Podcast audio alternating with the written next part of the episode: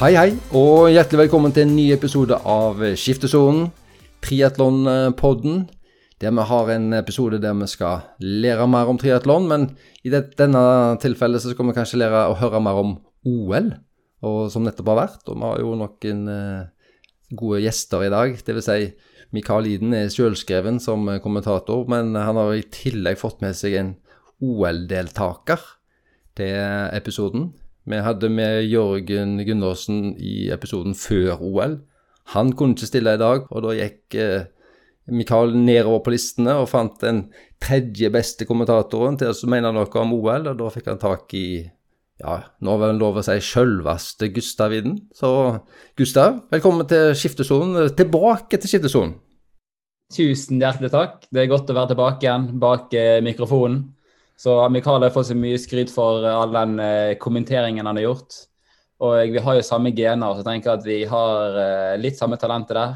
Så mens han er best på kommenteringen og jeg er best i triatlon, så liksom jeg er en god nummer to på kommentering, mens han er ja, nummer to på, på triatlon. I hvert fall i husstanden, da. I husstanden, ja. ja. Nå er det jeg som er gjest, egentlig, siden jeg har flyttet hjem til Gustav.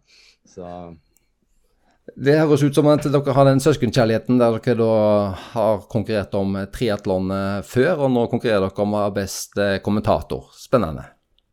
Ja, du vet eh, de pleier å si vi har et radios ansikt. ja, det er ikke helt sant, fordi at Gustav, eller Gustav, han, broren din Mikael, han har jo blitt tatt for å være fryktelig lik meg. Så Mette Pettersen, hun har, hun, jeg har det på teip, at hun syns vi var så steike like. Så akkurat Mikael har jo et TV-ansikt, egentlig. Ja, Fordi du har TV-ansikt? Nei, jeg har jo ikke det. det blir jo naturlig at i denne episoden så skal vi, vi skal dvele med OL, OL-deltakelsen til Gustav. Vi skal få uh, reaksjoner på uh, hvordan det gikk, de forskjellige land, uh, og hvordan en kan tenke seg å hva de ekspertene kan mene om eh, hvordan OL eh, gikk. Da kan vi jo ta eh, det første først, Mikael. Du som nå ble brukt som kommentator, og du har jo fått mye tilbakemeldinger. og Hvordan var opplevelsen med å få formidle disse spennende sendingene ut til det norske folk? Eh, jeg syns egentlig det gikk eh, veldig greit. Jeg har jo sett på litt eh, triatlon de siste årene. Ikke så veldig mye, for jeg syns det er så kjedelig å se på triatlon i utgangspunktet. Og da mest pga. sendingen er såpass dårlig, og ja, hele pakken som selges er veldig dårlig. Så jeg har jo fått et inntrykk av hva jeg ønsker sjøl å se, og gjerne høre. Så sånn sett så var jo det Ja, det kom naturlig for meg å si det som jeg følte jeg trengte å si, og det som gjerne det man trenger å høre. da. Jeg er vant til å sitte og se på triatlon med andre og gjerne forklare hva, hva og hvem som uh, gjør noen ting som helst. Så Sånn sett så syns jeg det gikk eh, veldig fint. Det ble jo litt timer i forberedelse med å skrive ned resultater og, og diverse om, eh, om, utøverne. Men jeg ble, jeg ble, litt overrasket over alle de tilbakemeldingene som kom.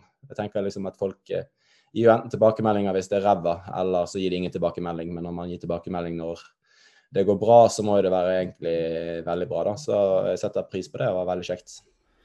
Ja, for det var jo spesielt dette her med at uh, du fikk jo folkeliggjort en del ting. Altså, det var jo lett å forstå. Og du beskriver og forteller og forklarer, så mye vektla du det å fortelle det til, til folk flest, og ikke bare til allerede triatloneksperter? Nei, det er jo litt vanskelig å forklare seg litt sånn kortfattet om regler, da. Eh, vi vil jo helst følge bildet, og det blir jo en relativt intens konkurranse. Så det å på en måte få flettet det inn uten at du blir for liksom opplesende og eh, ja, blir for avansert. Det er jo det som kanskje blir litt sånn, kall det kunsten. Eh, men vi tok det liksom når, når elementene eh, på en måte tilsa at nå må man forklare det neste steget. Og så hjelper jo det veldig mye når resultatene blir såpass bra. og og det hele tiden er norske i bildet sånn innimellom, så er det litt lett å, å gjøre det spennende. Og så er det om å lage en ny historie hver gang det skjer et nytt trekk. Sant? Så er det et nytt sjakktrekk, så må man fortelle hva er det neste trekket, og hva, hva er et ikke lurt trekk. da. Så jeg tror jeg klarte det, mm, det er ganske bra. Og som eh, hører på denne podkasten, er jo sannsynligvis interessert i triatlon. Men eh, hva inntrykk fikk dere av eh, det norske folket under sendingen. Det begynte jo ganske seint på kvelden der, natt til en mandag når det gjelder herrene. Var det folk, kall det folk flest, som fulgte med sendingene? Går det an å si noe om antall folk cirka, som var innom?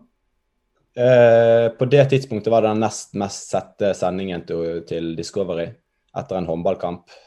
Og det gikk vel på et litt mer levelig tidspunkt, tror jeg. Eh, så Discovery var vel ganske fornøyd med, med det trøkket som de fikk. Jeg tipper jo nå at det er blitt en god del mer eh, siden den gang, for det er flere som har fått med seg hva kanal det går på, og mediene har vært litt flinkere til å kommunisere ut når ting skjer, da. Men eh, det var nok mange som satt oppe liksom og begynte å se på sendingen, og så klarte ikke de å slå av. Jeg tror kanskje mest det inntrykket jeg fikk hvert fall for folk, sånne folk som ikke vanligvis ser på sånn som de som satt på huset i Discovery og programlederne, var jo på en måte tenkt å sove, men så hadde de bare sittet opp og sett og sett og sett og sett mer og mer og mer, for det var så, var så kjekt. Så det var jo litt gøy. Men er det lov å håpe på at uh, media ble mer interessert i, i triatlon, eller at en, eh, de får lyst til å sende mer? Fikk du noe inntrykk av uh, det? Eh, ja, litt sånn bak kulissene så har jo eh, Eller det er vel ikke hemmelig heller. Altså det, eh, Bergen Triatlon Events har jo fått eh, kontrakt med TV 2 nå for å sende World Cup der neste år.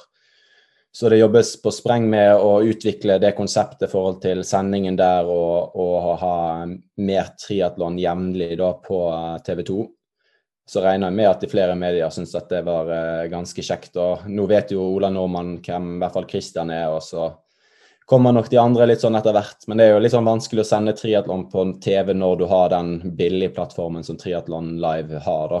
Eh, hvorfor skal du gidde å sende det sjøl eh, og bruke penger på det når du kan Altså som en kanal, da. Når, når det allerede ligger en plattform der, nesten gratis.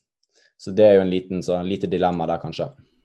Og da er vi litt tilbake til det du, det du har sagt, at produksjonen har vel vært for enkel og for dårlig til at det kanskje er kommersielt interessant nok, sånn som det er nå i dag? Ja, altså tidssoner, sant. Eh, altså Hvis løpene i Canada sendes på et rart tidspunkt, og de rundt om i verden, så blir det mindre interessant for de store kanaler å sende det. da. Eh, men den sendingen som de jobber med i forhold til triatlon i Bergen, den har de lyst til å revolusjonere ganske mye. Og da er det fint å gå til verdenscup, for da eier du sendingen sjøl, og du kan gjøre så mye gøy du vil med, med TV-produksjon. da. Men det, det, som skal skje nå videre, da, på kort sikt, eh, er det noe, noen sjanse for at det vil bli Har du hørt noe om at det kan bli sendt på noen plattformer? Nå har vi jo VTCS-avslutning, og en har jo eh, det var noe kvalifisering. Vi fikk forresten høre at Christian fikk et wildcard til kona etter OL-gullet sitt. Han får kjøre VM i Ironman, men eh, Kasper skal bl.a. kjøre i Frankfurt. Kanskje allerede til Det var, var neste helg du sa?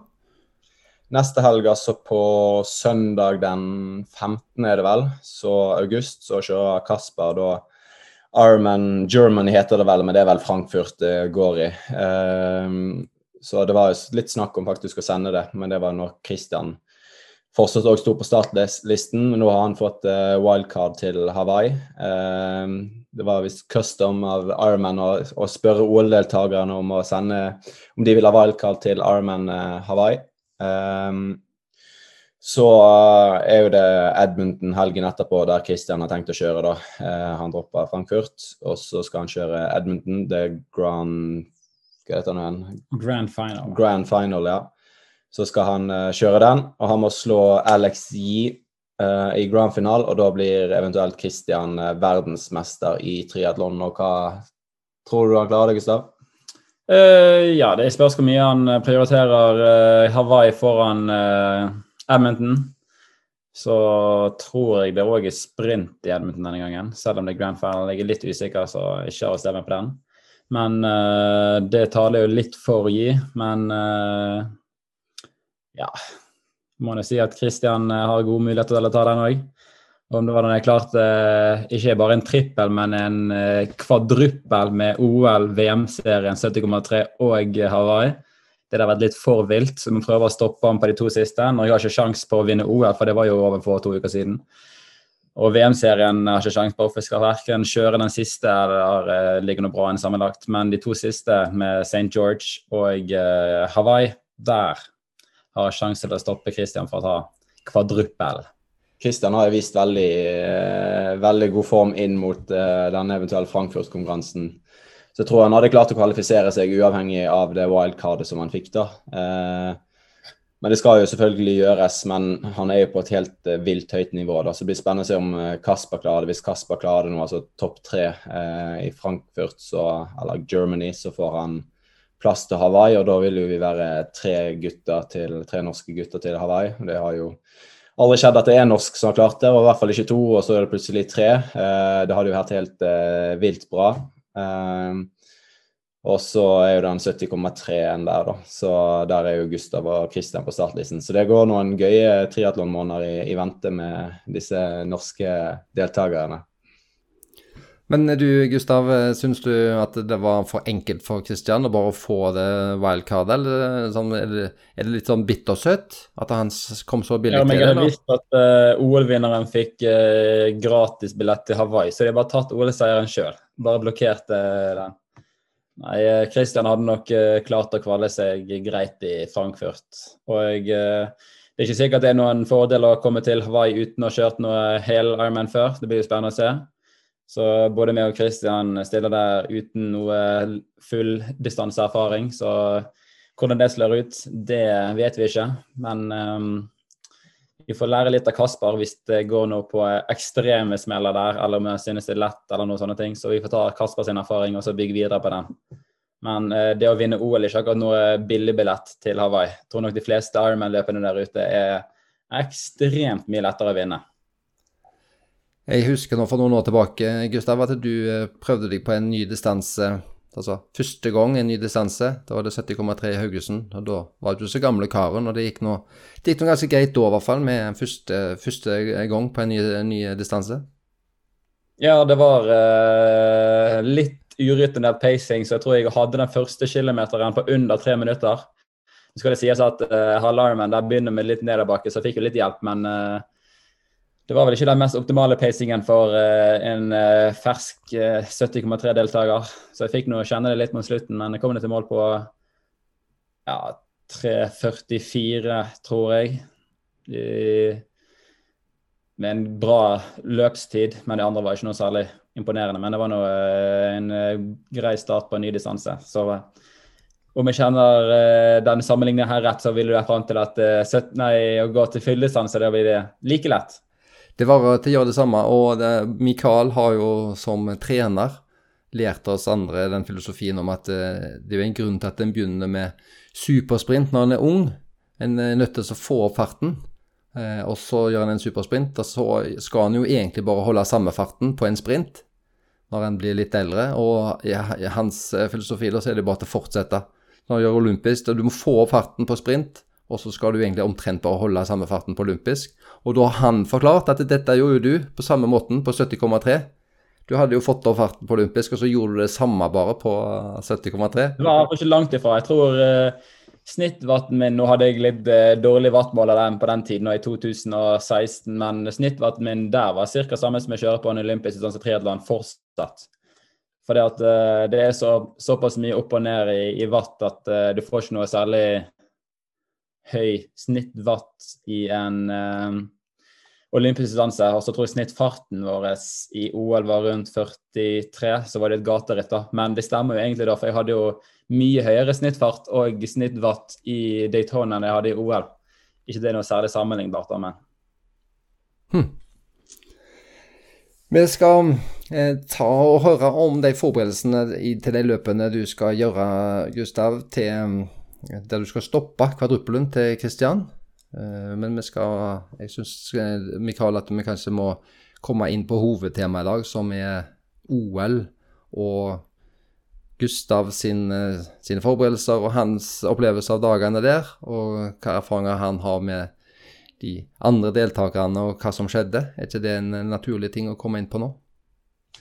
Jo, vi må vel ha OL-oppsummeringspodkast. Har hørt noen uh, oppsummeringspodkaster, men jeg syns de har vært veldig overfladiske og egentlig ikke gått så veldig i detalj på deltakerne. Bare sagt at uh, Og ja, jeg spådde uh, Florida for å vinne, og hun vant. Kjempekult. Altså, det er oppsummeringen deres. Jeg håper at vi kan gå litt mer uh, i dybden, litt sånn som vi gjorde før løpet, og så kanskje fortelle litt hvem vi syns gjorde det dårlig, hvem som gjorde det bra, og hvem som gjorde det midt på treet, eller ja, gå litt gjennom løpet sånn sett. Kanskje hva de skulle gjort annerledes, uten at vi trenger å gå gjennom absolutt alle. Men hvis vi begynner med damene, tenkte jeg faktisk, så får du nevne en nasjon og en utøver, Sverre, så eller skal vi ta, gå gjennom litt sånn eh, hvordan løpet utvikler seg, først og fremst.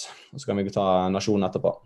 Ja, vi kan jo gå begge veier. Jeg hadde jo egentlig tenkt å eh, starte med Gustav jeg, og hans opplevelser. Men eh, det, er, det, kan godt være at det er naturlig vi tar damene, og så tar vi Gustav og herrene. For vi må jo få, må jo få noen tilbakemeldinger og opplevelser fra de, de dagene fra Gustavo.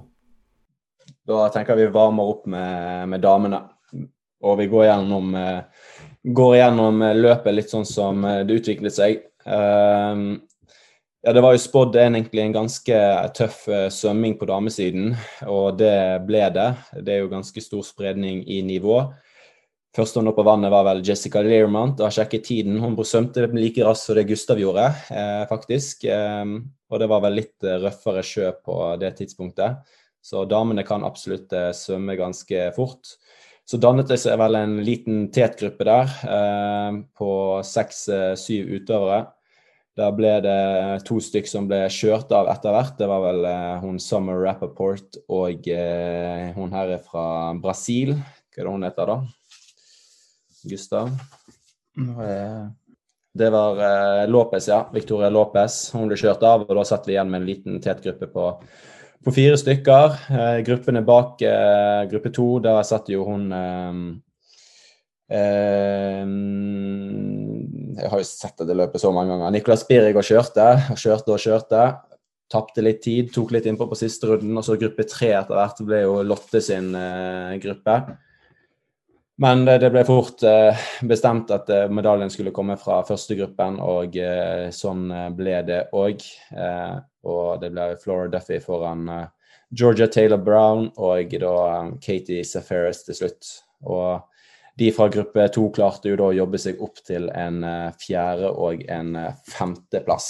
Det var jo da Rachel Claimer og Leonel Perrault, ikke sånn vi sier det? Leonie Perrault. Leonie Perrault.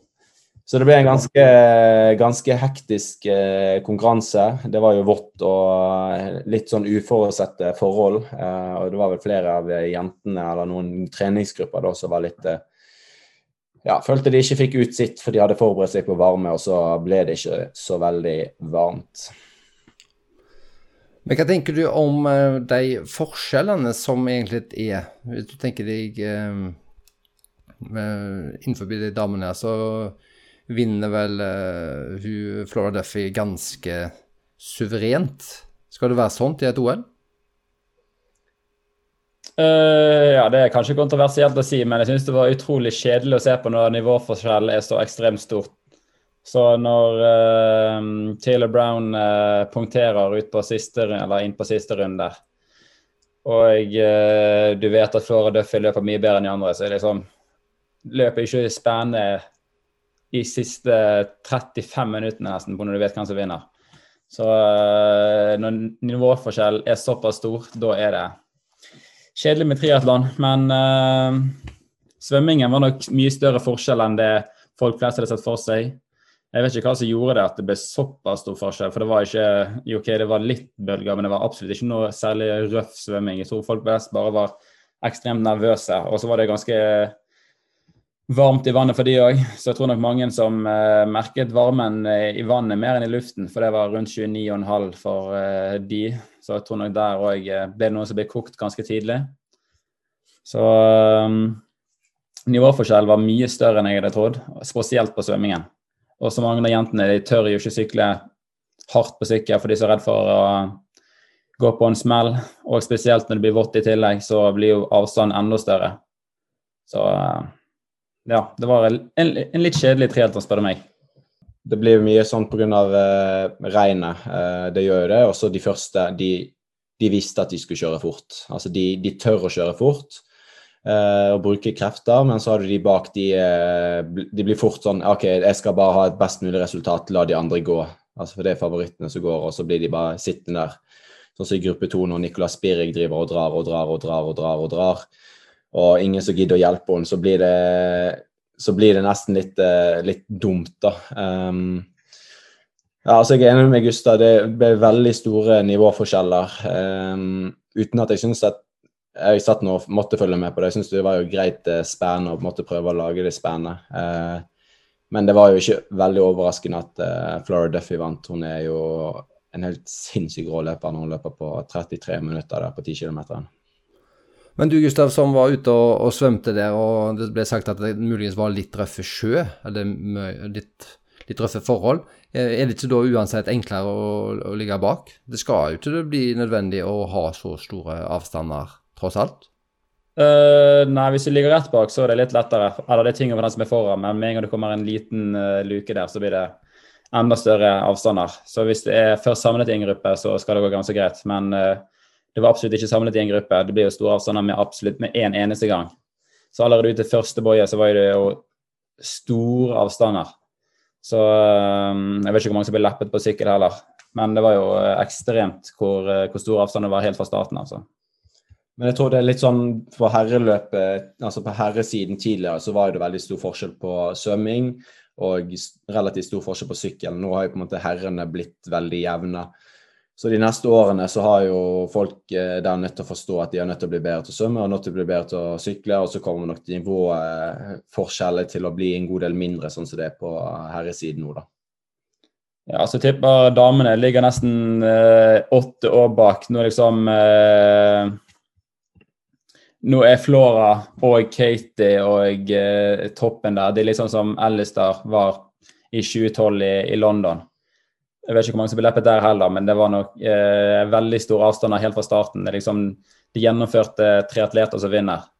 Så har jentene ofte bare Eller nå har jo de siste årene blitt mer sykkelkjører, òg, men at det har vært litt mer litt mer forsiktig kjøring på sykkel der. Mens eh, nå holder ikke det å, å komme tilbake som spirrig. Nå må du faktisk være enda bedre å svømme der òg. Og eh, nå ser du spesielt godt i OL når de beste absolutt i toppform, hvor stor avstanden blir.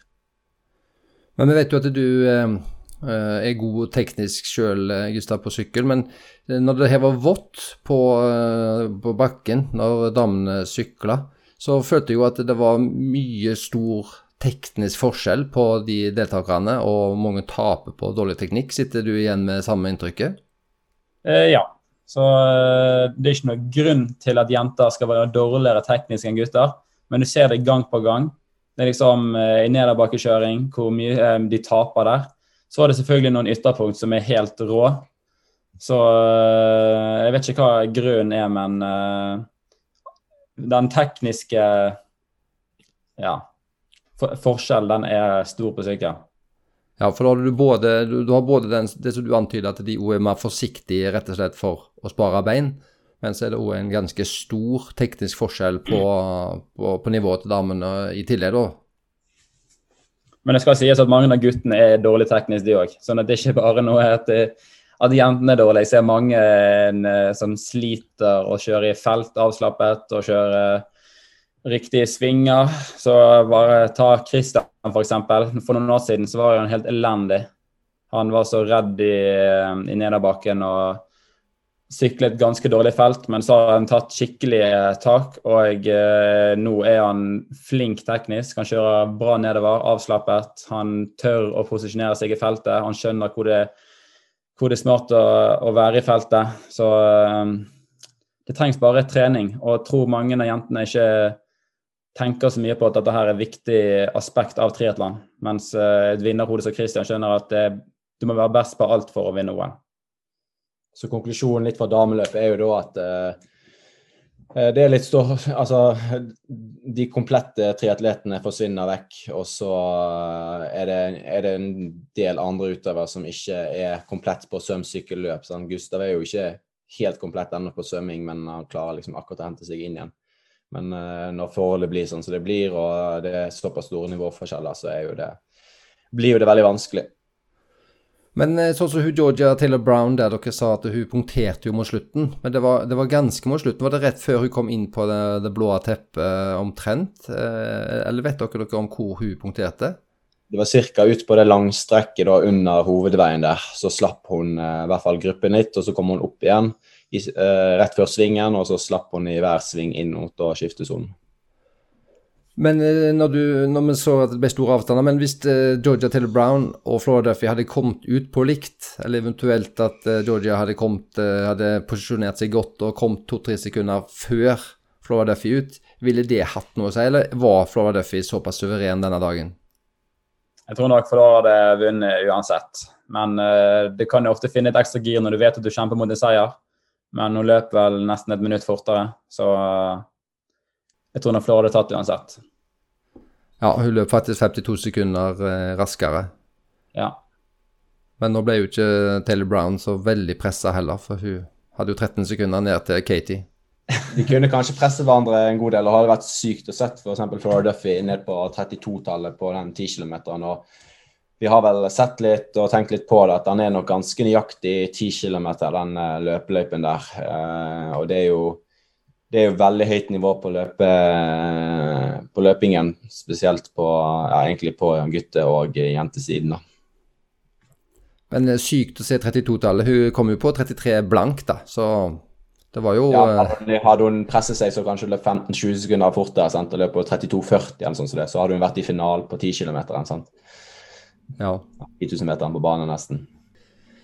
Er det noen eh, andre ting som en eh, bør eh, få med seg? Altså, Vi har jo Lotte Miller som deltok, og hun kom ned på en, altså, hun kom på en 24.-plass. En, var det en drøyt sju minutter bak Flora Duffy. Hva kan en oppsummere den prestasjonen med? Uh, hun hadde en uh, ganske dårlig søvn forhold til det hun pleier å ha. Så har hun hatt en del uh, dårlig svøm i hele år, så jeg vet ikke om det er om formen sånn generelt har vært litt uh, off, eller om uh, hun uh, Jeg vet ikke om hun, er, om hun, er, redd eller hva det er, men uh, svømming er i hvert fall ikke så veldig bra. Og hun er ikke vant til å havne der bak som jeg pleier å være. Så hun skjønner ikke hvordan hun må pushe gruppen, hvordan hun må være slavemester for å få noen til å jobbe. Om de i hele tatt vil at noen andre skal jobbe. Så jeg tror ikke hun eh, skjønte helt, eller eh, klarte helt å få den gruppen godt nok i gang tidlig nok til å, til å få gjort noe med det. Og så skjønner jeg veldig godt at den gruppen som havner bak Spirrig, motivasjonen til å jobbe der er jo lik null. Så når du vet liksom at den eneste billetten din til første gruppen den er foran deg, da er det ekstremt vanskelig å motivere noen for å, for å jobbe. Så jeg skjønner godt at eh, mange av de jentene liksom gitt opp litt. Og så løp Jeg syns hun løp eh, greit. Ja.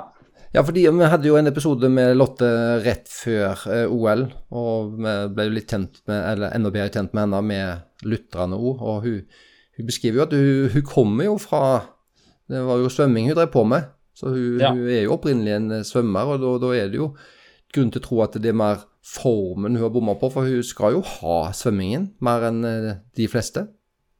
Ja, men uh, open water-svømming er det er ikke tilfeldig, for det er mange av de første som kommer opp uh, først hver eneste gang. Men det er Du kan være uheldig utpå der òg og havne i uh, mye slåssing. Og hvis du havner uh, bakpå på starten og noen slipper og du mister et, en fot og, og sånne ting, så kan du tape mye. Selv om det er på en måte selvforskyldt, så er det òg litt uheldig. Men hvis du er best, så kommer du uansett i de beste posisjonene, og du er aldri uheldig. Så du er liksom litt eh, opp til de andre og, eh, og deg sjøl, hvis du er litt svakere svømmer, for å få en grei tid til slutt. Ja, hun var jo nesten halvannet minutt bak på, på svøm. Eh, men sa hun noe mm, til dere på laget etterpå om at altså de sju sju minuttene godt og vel hun var bak i mål, er det reelle sju minutter, eller kobler en seg litt av når en kjemper om en sånn 20, eh, mellom 20 og 30 plass? Uh, nei, vi har egentlig ikke snakket noe om det. Men jeg syns jo løpingen var uh, Ja, syns han var grei for uh, syns hun løp fint. Så hun har ikke tapt så mye mer der. Men det er jo liksom på syklingen òg at uh, at uh, når du havner bakpå sånn som det der, så er det vanskelig å, å, jobbe seg inn, altså. Vi så jo det underveis i løpet, at det var jo ekstremt dårlig i, i samarbeid i den, uh, den, gruppen som Lotte var i, og de ga luker til hverandre gjennom svingene og diverse uh, sånne småting der, og da mister du ekstremt mye fart hele tiden, og det var jo òg det så vi kommer tilbake til i Gustavs gruppe, at når det blir sånn småluker gjennom svinger og sånn, så så mister du mye slagkraft. Eh, så mm, ja, det tar på litt tid, da. Ja, jeg ser at hun, hun kom på en cirka en sånn Hun var blant de sånn 24 beste løpetider. Så jeg tror at ja. løpetiden hennes var omtrent på samme plassering som, som hun hadde. Men sa hun noe om opplevelsen sin, eh, Gustav? Sånn, om en ikke diskuterte i detalj selve løpet, men var det sånn at det gikk hun ut av dette OL med en eh, opplevelse der hun har masse motivasjon og glede til å komme seg videre? Uh, jeg tror uh, konkurransen sitter hun igjen med litt vanskelige følelser, med tanke på at hun, kom så langt bak på svømmet, og svømming er liksom vært hennes ting.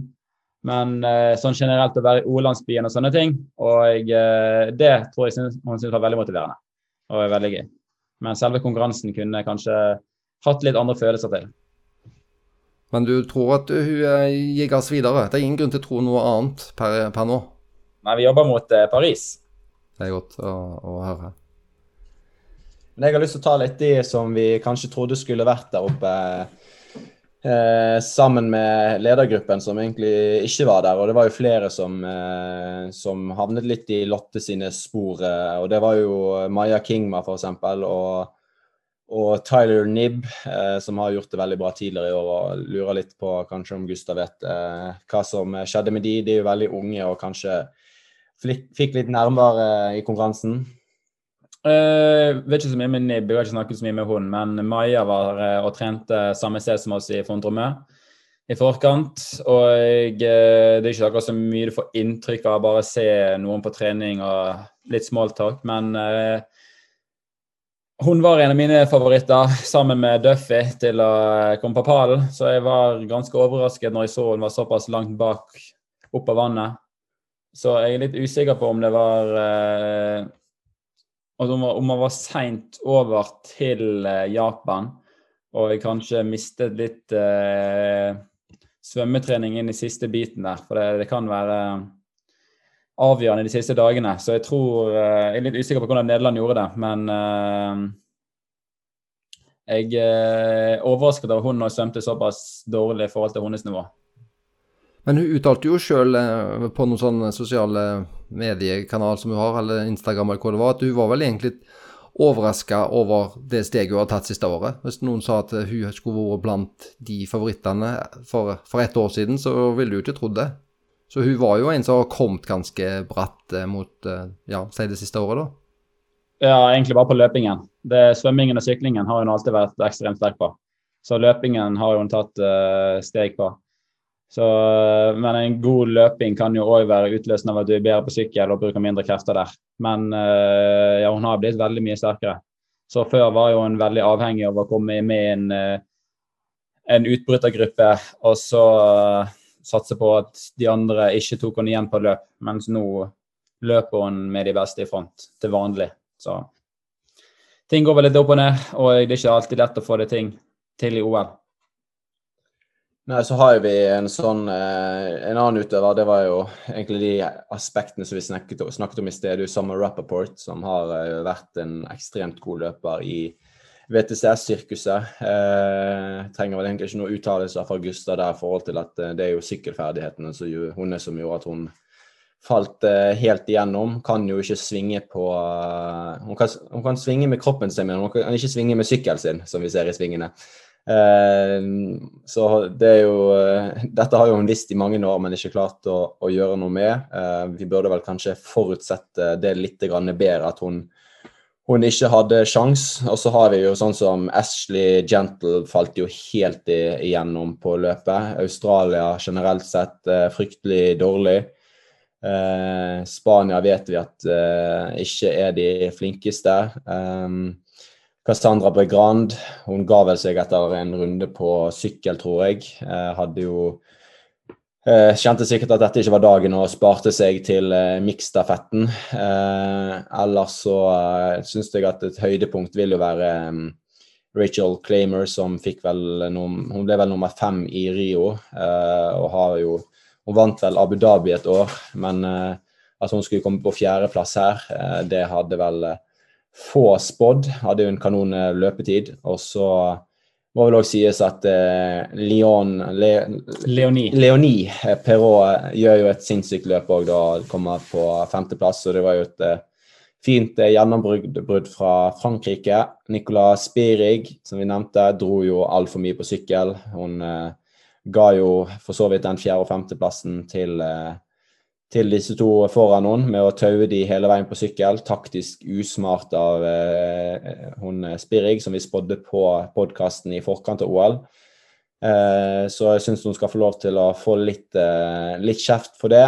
Ellers så eh, Alice Betto gjorde det ganske greit som spådd. Eh, Laura Lindemann er jo der på svømmingen og på sykkel. Eh, løp nok litt dårligere enn vi kanskje skulle trodd eh, når hun først eh, var med. Og så har vi eh, Jessica Learmont. Hun, eh, hun, tok seg en sjanse på sykkel og dro mye der, men uh, hun hadde Hun var ikke sterk nok denne gangen til å holde løpingen. Litt, uh, litt overraskende egentlig at hun ikke holdt løpingen, men sånn er nå det. Og så hadde jo Vicky Holland som ble jo nummer to i Rio, var det sånn det var? Eller andre? Tredjeplass i Rio.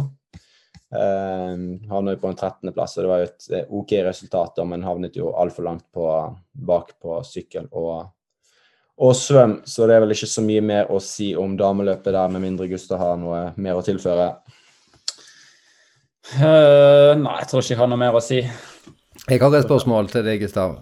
Ja. Og det er jo at du sa litt tidligere i dag at de ligger kanskje noen år bak herrene for uh, hvor de er henne på måten å kjøre taktisk og være like god på alle disipliner og sånn.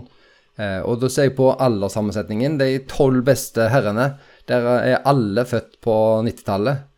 Med han eh, Alex Yi, født i 1998. Mens hvis en ser på topp ti på damene, så er jo det masse som er født på 80-tallet. Det er vel På topp ti er halvparten født på 80-tallet og halvparten født eh, tidlig på 90. Det er vel to i 1994. Taylor Brown eh, og Leonie Pirot fra Frankrike. Men ellers er jo eh, Flora Duffy 87. Zephyrus 89. Eh, og Men det er veldig typisk for kvinneidrett generelt at noen slår igjennom som veldig unge og så holder seg gode livet ut, mens andre er gode som unge, har noen dårlige år i starten av 20-årene til å ta seg opp igjen etter hvert. Så det er veldig typisk å se at uh, dameidrett er vel mange som holder på i mange år. Men hun uh, Armstrong, hun syklisten, var jo med i OL til hun var oppe i, i 40-årene og vant OL-gullet i Rio. Så um, det er vel sånn det er. Tror jeg damene har nok en litt annen uh utviklingskurve eh, fysiologisk enn det, det, menn har. Eh, så det har nok mye å si. Jo, Georgia Taylor Brown var jo ute i, i flere år etter juniorkarrieren sin. Kjørte jo ikke noen løp, og så, så var hun tilbake igjen eh, på topp. Så det er jo litt flere sånne historier du hører fra damesiden. Flora Duffy har jo vært ganske god som junior, og så har ikke hun helt klart det i ung seniorkarriere. Så har hun bare blitt blitt bedre og bedre. så Mens man på herresiden ofte ser jo relativt tidlig at de altså Utviklingskurven er jo mye mer lineær. da, eh, så Sånn sett så kan jo man, har vi ganske tro, stor tro på Lotte, som har jo hatt ganske gode resultater som, som junior. Og så går man kanskje inn i en del tøffe år da i, i ung seniorkarriere, og så er man, er man, der når man kanskje begynner å nærme seg 30 år, og, og videre da opp i 40-årene, faktisk. Fint. Eh, vi har snakka om eh, damene og litt resultater. Skulle vi prøvd oss på mix eh, kanskje? Vi, fordi vi får jo mer, mer innhold når vi begynner å snakke om herrene, for det har jo Gustav vært med, naturligvis. Og jeg kan starte med å spørre deg, Gustav. Hva plass hadde Norge kommet på der, hvis at de hadde klart å, å kvalifisere seg? Jeg har ikke sett løpet, faktisk. Jeg har bare sett tidene og litt oppsummering, men jeg spår at vi har gjort det ganske dårlig. OK, du spådde dere hadde gjort det dårlig, ja. Ja. Men det var jo, det var jo i motsetning til det, det dameløpet der det var ganske litt lite spennende helt de siste 30 minuttene, så var jo dette her i motsetning veldig spennende helt til det var målgang. Og Mikael, du eh, kommenterte det jo, og du fikk jo god hjelp av selve prestasjonene for å klare å gjøre det spennende der, selv om du var kritisk til noen sisteetapper siste etapper og noen eh, stunt der. Men vi kan jo da rett og slett bare ta f.eks. noen resultater. Topp tre med Frankrike på tredjeplass. Da kan du komme inn på din skepsis. Eh, ja. Um jeg syns jo at det var ulurt av de å bytte om på de jenteplassene for, fra testevent. Så de byttet jo eh, Leonie eh, og eh, Cassandra. Leonie tok første etappen, og Cassandra tok, tok tredjeetappen nå. Men i testevent så hadde de motsatt, og da vant de. Leonie er en svakere svømmer. Og mistet jo egentlig feltet da med en gang på første etappen, og Frankrike havnet i en i en jageposisjon resten av veien, og det er, er vanskelig på en sånn miksstafett. I tillegg så, eh, når de til slutt klarte å komme seg opp med da Lu, uh, Vincent Louis på, på siste etappen, så brukte han altfor mye energi og stolte nok ikke på løpeferdighetene sine. Og gikk jo på brudd på brudd på brudd istedenfor å kjøre da sammen med de som han tok igjen. Ehm, så han eh, ødelagte jo det siste brøkdel av eh, sjanse Frankrike hadde på, um, på, siste etappen. Jeg tror nok Gi hadde vært sterkest uansett, men eh, Frankrike jeg vil si dårlig taktisk forhold til plassering av utøvere. De kunne kanskje til og med prøvd å ha eh, Dorian Conix på, på siste etappen istedenfor Vincent Louis. Og um, ja, de var nok relativt eh, skuffet eh, egentlig, selv om de, de, var glad for å ta medalje, da. Det, jo, det ble jo litt sånn avstander. De kom ca. ti sekunder bak eh, USA i mål. Eh, tror du at eh, hvis ikke Vincent Louis hadde gjort disse bruddene sine og kjørte så beintøft, hadde det vært noen eh, Tror du det kunne blitt motsatt resultat? At de hadde kommet på annenplass? de kunne nok muligens hatt sjanse på andreplass, ja. Men det kom altså America, United States of America. Og ganske Det ble vel ganske greit til slutt, med Storbritannia som uh, seierherre. Var det veldig overraskende for uh, deg?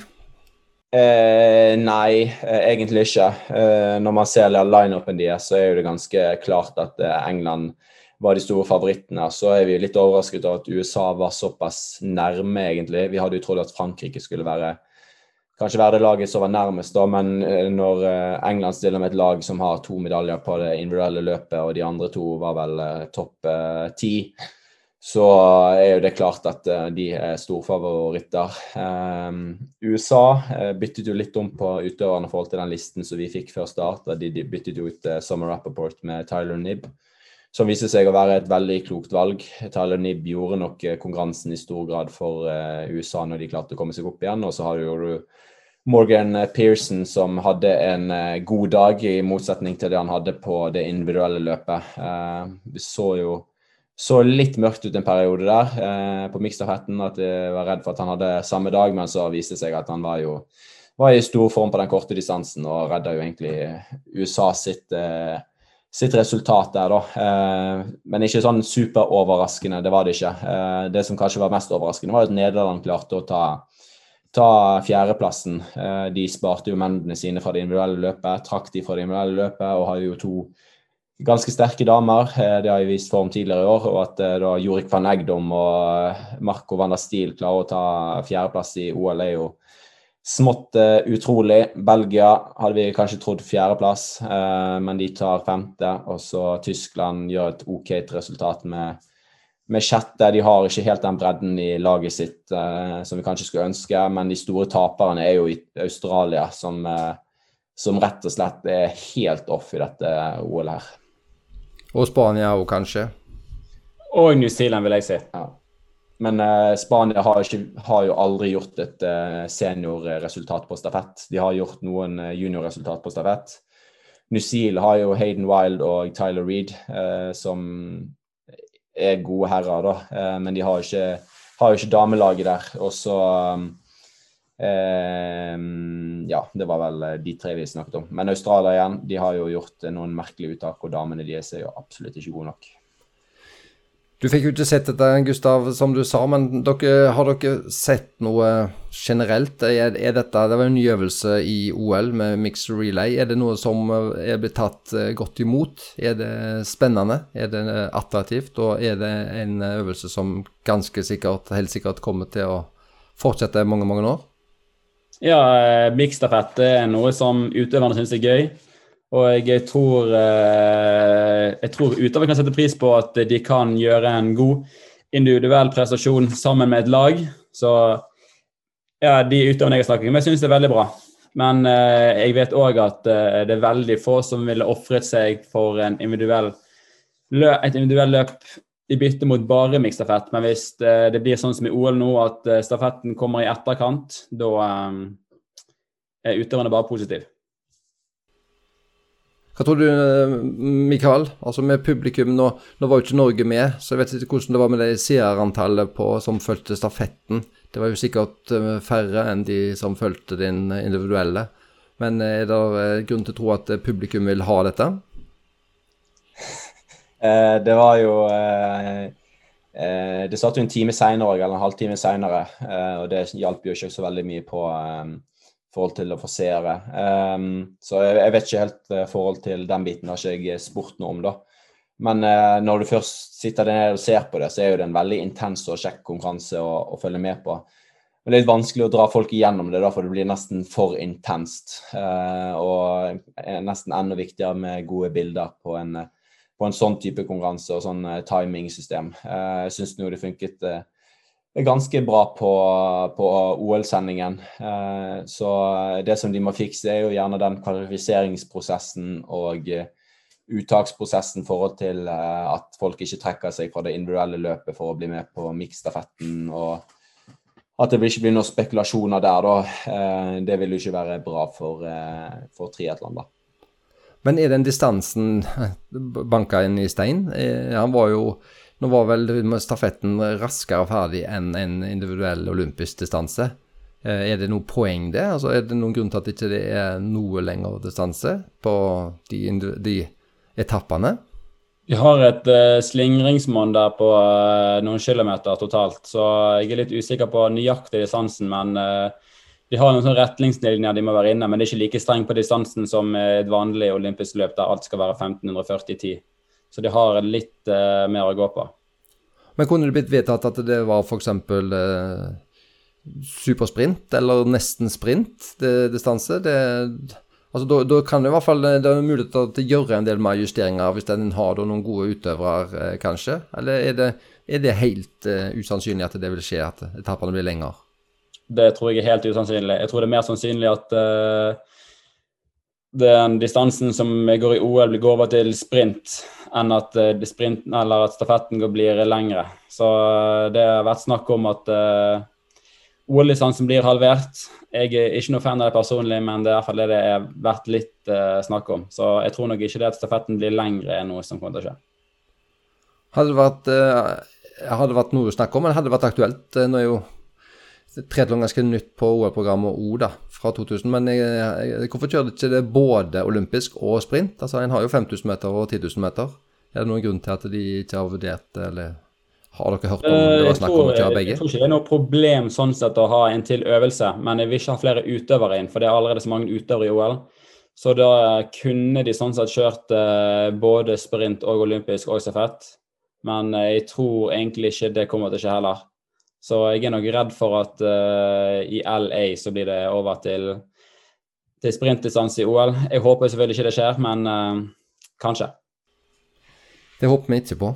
Vi må få se, må få se den, eh, de to timene med triatlon, vi som er interessert i det. Gustav, du uh, hadde jo en hadde jo noen spennende dager der nede. Du hadde enorme forberedelser du har vel vært blant de som eh, reiste vekk i januar og knapt nok Var, var, du forresten en av de Har du vært i Norge, eller har du uh, bare vært ute? Jeg er faktisk ute. Jeg reiste hjem i noen dager. Jeg ble litt sånn småsyk etter uh, løpet i Italia. Så reiste jeg hjem i noen dager istedenfor å konkurrere i Leeds. Så jeg fikk vel fem-seks dager hjemme totalt. Så jeg, jeg ikke, kjørte ikke full rute da med å reise vekk i januar og komme tilbake igjen i august. Men du var ja, minus fem dager, da, med andre ord. Minus fem dager. Men hvordan var dagene der nede? Vi har jo sett, eh, eh har jo sett at eh, det er jo ikke eh, veldig sosialt. Det er jo ikke mye folk ute og, og går. og Hvordan var de opplevelsene med campen og utoverlandsby og sånt for deg, og den med å, det å få være med i et OL? Uh, Pre-campen før vi kom inn i OL-landsbyen var veldig bra for vår del. Så jeg vet at mange utøvere slet veldig med å få nok treningstid ute og måtte trene mye med maske og fikk uh, dårlig basseng og alt mulig rart. Men vi hadde egentlig ubegrenset med trening ute. Trengte ikke bruke noe maske. Vi hadde et uh, bra 50-meter-basseng, men det var stengt noen flere dager enn det vi hadde, det vi visste om på forhånd. Så vi fikk et 25-meter-basseng istedenfor på hotellet der vi bodde. Eller vi bodde faktisk ikke på hotell, vi bodde i leiligheter. Og pga. korona så måtte vi en leilighet hver. Og så eh, størrelsen på de var vel rundt 120 kvadrat. Så det var grei størrelse i hvert fall på stedet vi bodde før uh, vi kom inn til Olandsbyen. Og vi jobbet jo sammen med det japanske triatlerforbundet. Så jeg tror vi var ikke bare de tre atletene, men kanskje den gruppen fra utlandet som fikk best fasiliteter inn mot OL. Og eh, det er nok en av grunnene til at vi klarte å gjøre det såpass bra òg. At vi fikk såpass god trening og god mat og, og god ro den, eh, den, uken før vi kom inn til, eh, til Ålandsbyen. Så det har mye å si hva du gjør siste biten. Ikke sånn direkte med trening, men at du får slappet av og spist godt og sånne ting òg. Men under pre-campen der var dere der sosiale, i hvert fall internt i laget? Dere bodde i hver sin leilighet, men var dere i lag og gjorde ting, eller hang sammen eh, noe tid? Trente sammen og sånn?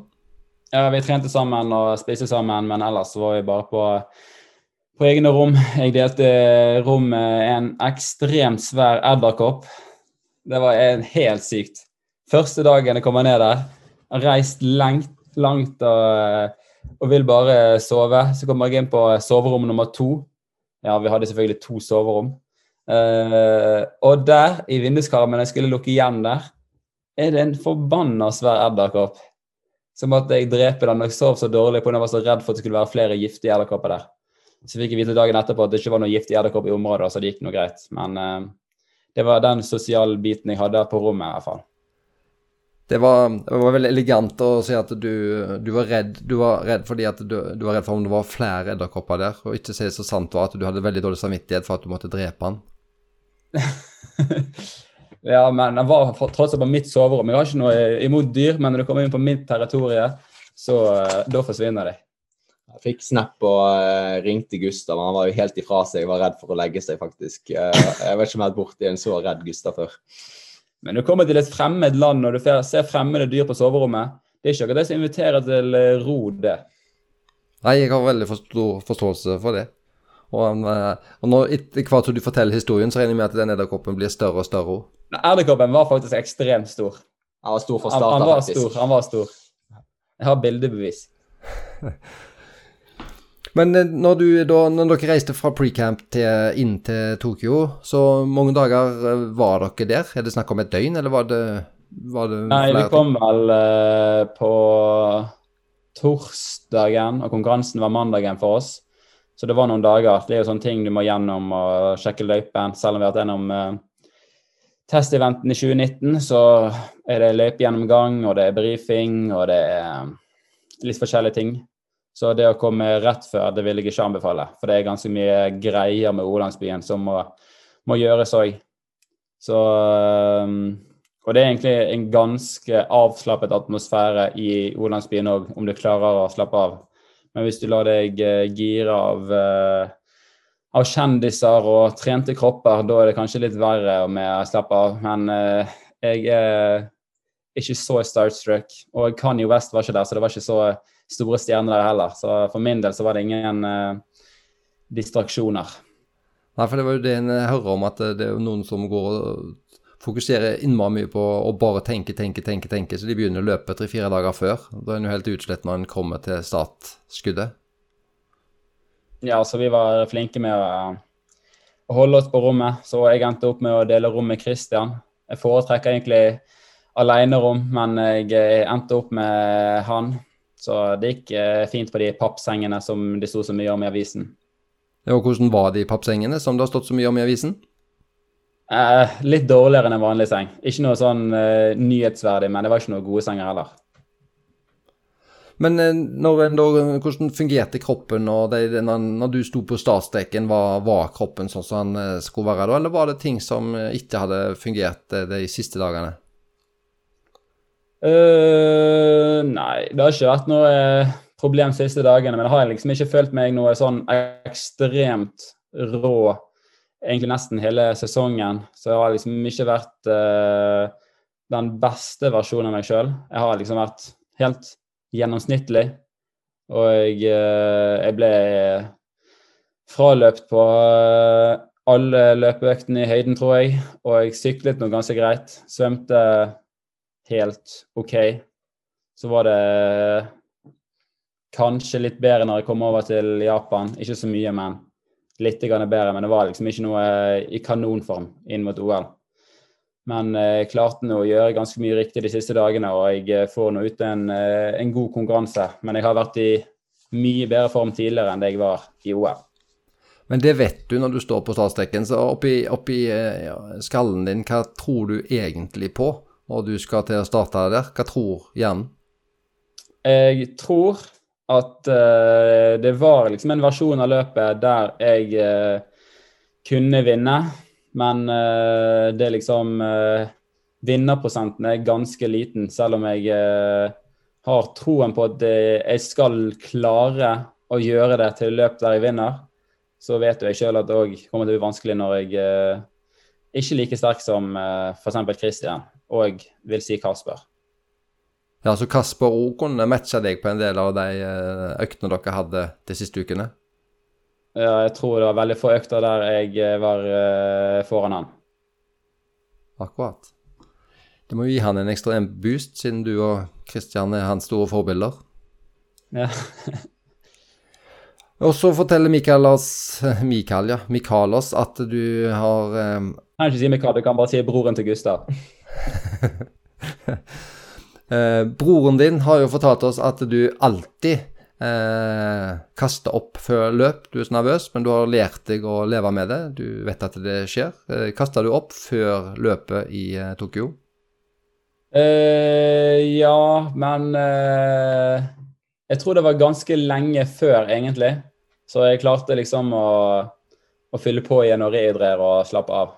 Men det er vet ikke, Det er en naturlig reaksjon på dette. Nei, nå liksom, når det har gått så lang tid, og jeg har uh, jobbet med mentaltrener og sånne ting. Men uh, jeg tror nok uh, det blir vanskelig å endre atferden. Så jeg har bare lært meg å akseptere det. Og jeg har med ekstra elektrolytter og vann og litt mat om jeg blir sulten og sånne ting. Så det er ikke noe jeg, som stresser meg lenger. Så jeg er ikke nervøs for å bli nervøs. Nå er jeg bare nervøs. Jeg kom jo på huset på Discovery der, og så Det første Jeg tror alle på huset hadde sett et eller annet intervju med Gustav der han snakket om han hadde spydde, og de bare begynte å spørre og spørre. Jeg måtte bare dra på historien. Jeg var sånn, håper han spyr egentlig fra konkurransen nå, for nå har jeg liksom sagt at dette er jo det han gjør, og spyr og spyr og spyr og med seg mat og alt mulig. Så det var artig da, at plutselig visste jo alle på, på huset der at uh, Gustav var en som han, han spydde sånn. Men det blir aldri dårlig i magen under, underveis i løpet, da? Så det er en god ting. Jeg tror jeg aldri har slitt med mage underveis i en trener før. Nei, det, var jo, det er i hvert fall en god egenskap å slippe av det. Så eh, jeg håper du tar den egenskapen med deg til kona òg. For da tror jeg allerede du har en uh, god plassering på kona, hvis du klarer deg med næring hele den veien. Jeg håper på det. Eh, vi må jo bare, vi skal jo begynne på løpet nå, men jeg må bare spørre. Eh, Mikael fortalte om en eh, stor båt som sto i veien da startskuddet gikk. Eller Mikael fortalte om, vi så det jo. En båt som sto, og var en halv, ene halvparten starta, andre halvparten sto igjen. Så forvirrende og så stress var det for dere som hoppet uti og starta løpet? Nei, jeg sto jo ganske langt til høyre på, på bryggen, så jeg så jo båten i sideskinnet. Og jeg så jo på en måte at den båten kan umulig være langt nok til venstre nå til at den er utenfor. Så det var liksom uh, Du fikk jo høre 'one minute to start' pga. Uh, det var litt andre regler nå pga. du kunne ha på deg kjølevest helt til, uh, til start nesten. Så han sa 'one minute to start', og da var båten til høyre for meg, og så rygget den liksom bortover. Så jeg så liksom at dette her kom til vanskelig for båten å rekke. Men sidesyn er ikke noe du kan stole på når du står på bryggen der. Og selv om jeg egentlig innerst inne visste at båten var i veien for mange av konkurrentene mine, så ikke jeg ikke noe nøtten til å stå igjen når dommeren sier 'on your marks' og fløyten går. Så da bare starter jeg. Men eh, jeg hører ganske fort at eh, lydhornet går på ny, og det kommer kajakker foran oss, og det var ikke noe, noe ekstra stressmoment. Det var egentlig bare deilig å få eh, prøvd starten én gang. Så fikk jeg en eh, kort eh, konkurransesimulering før den ekte starten gikk. Ja, Så det er ingenting negativt med den starten for noen av dere der, eh, egentlig, sånn som du sånn som du erfarte det? Nei, for min del så var det ingenting negativt med det. Jeg har liksom, På sendingen sa vel at det var litt så som så. Jeg husker ikke helt hva konklusjonen kom frem til til slutt. Men liksom det å bare starte og så egentlig nesten senke ner, uh, altså roe nervene og bare OK, det er ikke så seriøst dette likevel. Jeg tror det er kanskje litt det folk sitter igjen med. og fikk de bare testet det, og så fikk de gå opp igjen. altså Det var eh, nesten en måte å senke nervene på. da, og Så fikk du kanskje stabilisert ad adrenalinet litt, men vi så det var jo noen som svømte veldig langt. da, Så det kan være at eh, de kanskje fikk litt eh, ekstra med, med, melkesyre, da, men jeg tror eh, egentlig at det ikke spilte eh, så veldig stor rolle på resultatet sånn til slutt. Men når du er ute og svømmer der, Gustav, hvor, hva er erfaringene og, og, hva er planene dine? Altså Det er jo tett, og det er jo fighting for posisjonen. Har du noen klare føtter du skal ta, eller er det litt tilfeldig hvor du havner? og Hva er prosessen der? Jeg er dessverre ikke sterk nok eh, svømmer til at jeg kan uh, velge bein fritt. Så jeg havner liksom litt uh, der skjebnen lander meg. Jeg hadde faktisk en ganske bra start med to. Så det var ikke noe problem med det. Jeg svømte avslappet og fint. Jeg var ikke involvert i noe særlig slåssing. Det var litt rundt første boie, men ingenting rundt andre. Så det var egentlig greit at det var såpass langt ut til første boie i forhold til uh, et normalt løp. Um, så første runde så var vel i siden av Christian, og jeg var rundt 22 sekunder bak eh, lederen etter det jeg eh, har hørt. Så da var jo jeg eh, ganske med der framme. Så tenkte jeg bare at jeg skal holde dette tempoet. Jeg skal prøve å ta Christian sine bein siste 500. For var jo én runde på 1000 og en runde på 500. Så det var liksom ikke halvveis jeg lå etter 22 sekunder. Det var etter to tredjedeler. Så tenkte jeg at nå var mye av jobben gjort, og jeg prøvde å gjøre det samme som vi gjorde på første runde, på andre runden, men uh, jeg stivnet mer og mer og mer. Jeg hadde ingen juice igjen på slutten. Det var helt sykt. Jeg uh, har svømt uh, mange bra serier på i høyden, men tendensen der òg var jo at de går litt mer trått på slutten, og spesielt teknikken går går en del dårligere. Så jeg ble nok en, eh, et offer av eh, dårlig teknikk mot slutten der, i tillegg til at syren var oppe etter ørene. Så jeg taper mye, spesielt siste 200-meterne. Og jeg kommer vel 45-46 sekunder, noe sånt. Ja, jeg tror du tapte litt mer siste 500 enn du gjorde på første 1000. Så du taper ja. mer enn dobbelt så mye. Eh, en, eh, jeg er jo ikke noe rask svømmer, men vanligvis har det liksom vært en grei liksom, utholdenhet. Men uh, nå tapte jeg nesten alt mot slutten, så uh, det er jo litt uh, kjipt. Men jeg tror helt ærlig at resultatet hadde ikke blitt så veldig mye annerledes, selv om jeg hadde holdt Christian når feltet blir samlet sånn som det blir. Men når du snakker om syrenivået bortimot, og ingen dus, vil du si at det gikk ut over Eh, energilagrene dine for resten av konkurransen, eller på en måte begynner du med nye, nye systemer når du skal på sykkel og, og løp? Heldigvis er glykogenlagrene ganske lokalt, og jeg, jeg, bruker ikke så mye bein og svømmer. Så selv om eh, armmuskulaturen overkroppsmuskulaturen er ganske tømt, så har jeg mye lokal glykogen i beina. I tillegg til at eh, syklingen eh, har du mulighet til å fylle på litt. Og så gjør du en helt grei eh, T1, og så snakker du om eh, det å være denne slavedriveren, hvis du da skal ligge i ei felt bak, som skal komme fram. Hvordan var slavedriver i den, eh, denne dagen? Det var eh, ganske greit driv første runden. Så første runden er ofte ganske avgjørende. Så jeg ser at Hayden er der, og tre spanjoler er der. Og jeg tenker at eh, tre spanjoler må være kjørevillige sammen. Og det stemte. De kjørte ganske bra på første runden, så jeg tror ikke jeg var i, i front i det hele tatt første en og en halv rundene. Uh, for da er ofte tempoet såpass høyt uansett at uh, det skal mye til før du klarer å bidra noe særlig positivt uten at du tømmer deg sjøl helt på, uh, i starten der. så det var ganske positivt for min del, at de tørde å ta ansvar helt fra starten. Så etter hvert så blir det jo litt mindre kjør, og de begynner å tenke mer taktisk når de ser at de ikke klarte å komme seg opp i, i gruppen foran helt fra starten av. Så uh, endte det opp med at uh, jeg kom i front, men måtte ikke kjøre sånn ekstremt hardt. Så må jeg selvfølgelig kjøre fortere enn den gruppen foran, ellers tar ikke du noe særlig innpå. Men utenom det så var det liksom ikke så mye trøkk. Problemet er at de andre igjen de hadde bestemt seg for å bare holde OK tempo. Så hver gang alle de andre var foran, så taper vi til gruppen foran. Så selv om jeg ikke må kjøre så hardt i front, så ender det opp med at jeg ikke kan ligge meg bak, for da taper vi bare mer og mer tid. Så eh, det ender jo opp med at jeg likevel må bruke ganske mye tid i front, selv om eh, det er egentlig ikke så mye som skal til i front for, for å ta innpå. Men når du kommer opp, og gruppa kommer opp eh, i, i, teten, så, så, mye krefter har du brukt. Føler du deg fresh på det tidspunktet? Ja, det var ikke noe problem når jeg kom meg opp. Det som var litt eh, kjipt, var at med en gang jeg tok igjen gruppen, så er det et eh, krasj foran meg med Schomburg og Knavel. Knabel. Så jeg tenkte liksom at det hadde vært litt ironisk å bruke hele første halvdel av syklingen komme seg opp og så tryne, og så må bare kjøre seg opp igjen. Men heldigvis så klarte jeg å komme meg under den krasjen, og det var aldri noe dramatikk, egentlig. Men da er det jo tre eh, norske utøvere, og det var vel sagt på forhånd at det var ikke noe En kjørte jo individuelt, og det var ikke noe lag sånn sett. Eh, men var det på noe tidspunkt eh, Snakka dere noe i lag? Var det aktuelt å eventuelt eh, gjøre noe i lag? Gå på et brudd, eller vi har jo erfaring med at dere har gjort det før? Nei, vi hadde egentlig ikke noen ambisjoner om brudd. Det, I den løypen der så er det mulig å kjøre fra, som noen andre viste.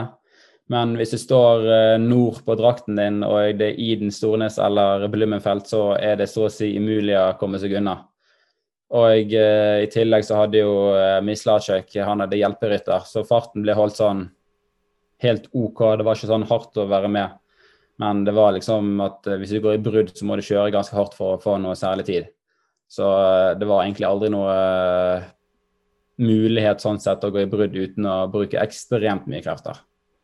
Men snakker dere noe i lag? Lager dere noe sånn uh, plan for noe som sagt noe i det hele tatt? Uh, vi har jo snakket mye om forskjellige scenarioer, men uh, underveis så snakket vi vel ingenting, tror jeg. Kanskje, kan jeg ikke huske det. Det blir ikke sånn at Kristian sier ja, kjekt å se deg, du klarte å komme deg opp. Bra. Jo, det hender. Det, det skjer òg, men uh, så, Men var, jeg tror ikke det var noe snakking denne gangen. Men det er ikke sånn at vi ikke snakker med hverandre i det hele tatt. Men jeg tror ikke det skjedde denne gangen. Uh, men uh, ja, vi har snakket veldig mye forskjellige scenarioer tidligere, hva som kan komme til å skje, og eh, hva vi gjør med forskjellige ja, med forskjellige eh, løpsdynamikker. Men uh, så er det ganske Det var egentlig ganske standard løp, og det var vel sånn vi hadde sett for oss det kom til å bli òg. Med sånn, litt sånn hjelperytterkjør som gjør det vanskelig å komme seg unna. Men i T2 så var det vel sikkert som planlagt. Dere var ganske langt eh, framme, de fleste på eller vel alle på det norske laget i hvert fall, og det var vel som eh, planlagt. Og ut fra T2, hva var følelsen og planen akkurat da? Ja, inn i T2 så hadde vi jo Du er jo selvfølgelig smart å være lengst fremme der. Så jeg kjørte fram på langsiden, og jeg var klar for å kjempe for plassen min. Så ble jeg veldig overrasket når eh, det var ingen som egentlig prøvde å utfordre i front. Så det var eh, en av de letteste inngangene til T2 jeg har hatt. Og jeg var egentlig veldig overrasket over hvor passive folk var. Så akkurat der så var jeg eh, ganske positiv til egne ambisjoner. Så kommer jeg inn i T2 og tar på meg skoen, og så får jeg en eh, krampe i låret med en gang jeg tar på meg skoen. Og jeg, jeg har vel egentlig bare hatt samme tendensen én gang før, og det var i Daytona. Når vi lå i samme posisjon over 1 time og 40 minutter. Så jeg har aldri hatt noe samme type følelse i en olympisk triatlon før. Så jeg er litt overrasket over at uh, den kom, for det var ikke noe utfordrende sykling sånn sett. Så uh, jeg prøver nå å løpe det jeg kan med den kroppen jeg har fått uh, tildelt. Så det går nå uh, ganske trått første runden. Jeg har ikke sjans til å henge på. Um, jeg ser de andre bare seiler ifra, og jeg, akkurat der og da så føles det ganske demotiverende ut å løpe. Og jeg, eh, jeg ser jo sjøl hvor mange som er foran meg, og navn som er foran meg som ikke burde vært foran meg. Og jeg tenker liksom at uh, dette her var jævlig kjipt. Men er kroppen tom? Vil ikke beina gå fortere, eller er det pulsen som er høy, eller hva er det som egentlig ikke fungerer helt? Nei, det er ikke, det er ikke tom. For det sånn kaloriinntaksmessig så er det, det er ikke den følelsen. Men det er mer at, uh, at beina bare det, jeg, klar, jeg, hadde ikke farten inne til å henge med. Og farten tidligere har aldri vært noe problem for meg, men uh, jeg, har, jeg, har, ikke hatt den samme uh, rå toppfarten i år som jeg har hatt tidligere. Så eh, det er ikke noe jeg har prøvd å utvikle heller nå i siste eh, par årene. For det, det har liksom vært mer enn godt nok for å kjøre det olympiske distanse med å løpe 2,30 på en 1000 meter. Det er ikke ofte du trenger det. Så eh, farten har jeg egentlig inne. Men allikevel så var det det som jeg følte begrenset meg på første runde, og jeg hadde ikke sjanse til å henge med der. Men du hadde jo en uh, positiv utvikling, altså i hvert fall i uh, plassering. Du henta jo uh, en del mot slutten, passerte en del folk. hadde du på noe tidspunkt når du var halvveis, trodde du at du kunne hente enda flere? Eller ble, det, ble du der du hadde antatt du kom til å komme da? Nei, en av de tingene jeg er fornøyd med, er kunne jeg klare å omstille meg rundt ja, første runde. Når jeg tenker at det var kjipt at det var rundt 18.-plass det skulle ende i OL, til å faktisk eh, tenke at eh, det er faktisk verdt å jobbe for eneste plass. Og eh, jeg er ikke fornøyd med 18.-plass. Ikke at jeg er så ekstremt fornøyd med 8. heller, men jeg er iallfall fornøyd med måten jeg klarer å ta meg helt ut på og virkelig kjøre for det jeg kan. Så måten jeg jobber på de siste to rundene og henter plass etter plass, den er jeg ganske fornøyd med. Men jeg sitter òg liksom igjen med en følelse av at uh, jeg hadde på en måte mer energi inne. Så det var liksom aldri noe spørsmål om å gå tom. Så uh, det er litt sånn uh, Du skal liksom ikke ha så mye energi igjen på siste runde på en olympisk distanse. Så jeg vet ikke hvordan jeg kunne gjort det annerledes for å ha fått tømt mer av lagrene mine, sånn at det var helt tom på slutten. For det er ikke en tomhetsfølelse jeg har på slutten, det er liksom mer en jeg har ikke mer fart igjen, følelse.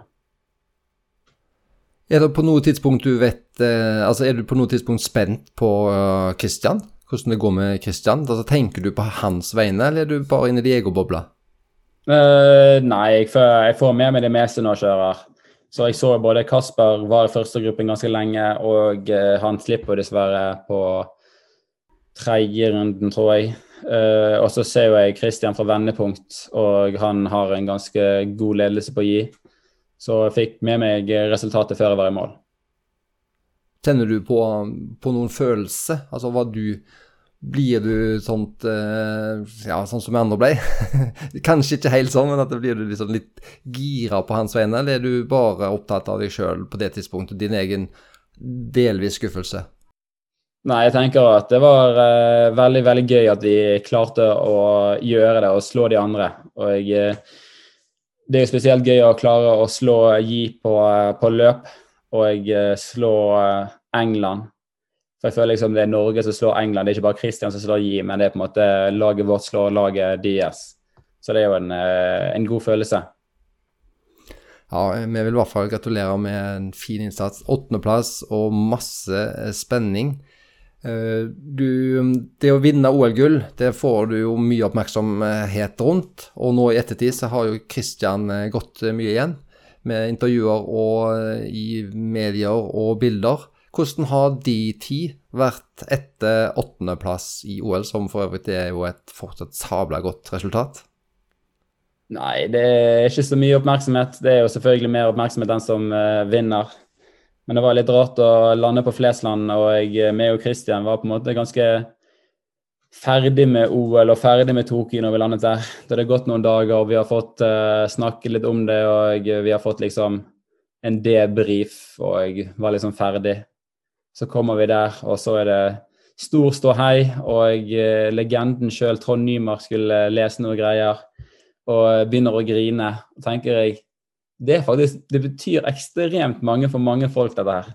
Så det var på en måte litt rart å være en del av de folkene som gjorde at de ble så glad, samtidig som at jeg ikke kunne skjønne at de ble så glad på våre vegne. Men dere har jo vært eh, virkelig eh, noen tre gutter som har eh, satt dette her på kartet. Og det var jo mange personligheter i Norge som i media har uttalt at eh, wow, triatlon var spennende.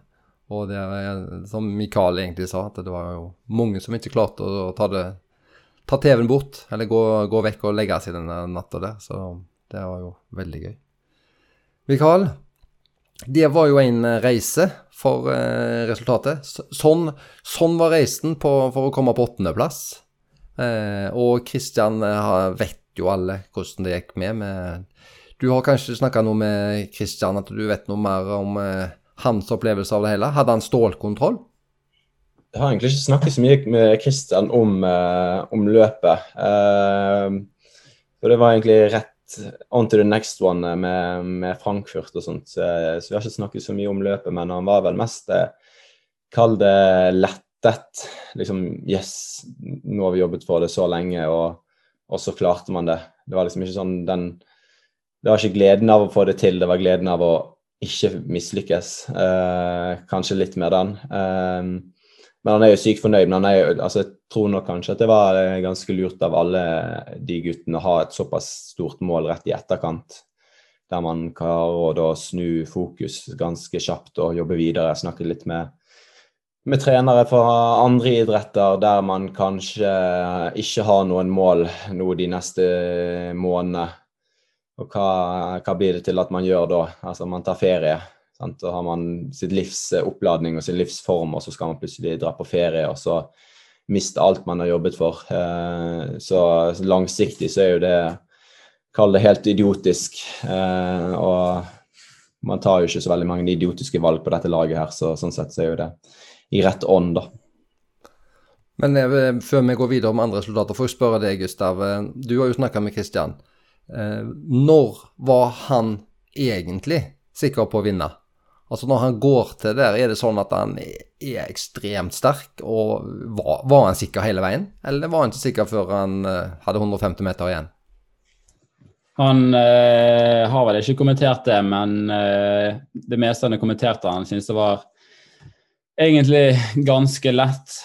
Men det er jo selvfølgelig måtte jobbe dypt siste biten, men sånn generelt så syns jeg det var ganske lett. Ja, så han følte seg eh, komfortabel. Selv om han klarte å ta seg helt ut, så følte han det var komfortabelt. Ja, men det er, alltid med, det er alltid mye lettere å jobbe på den måten fra front, da. Så du skal være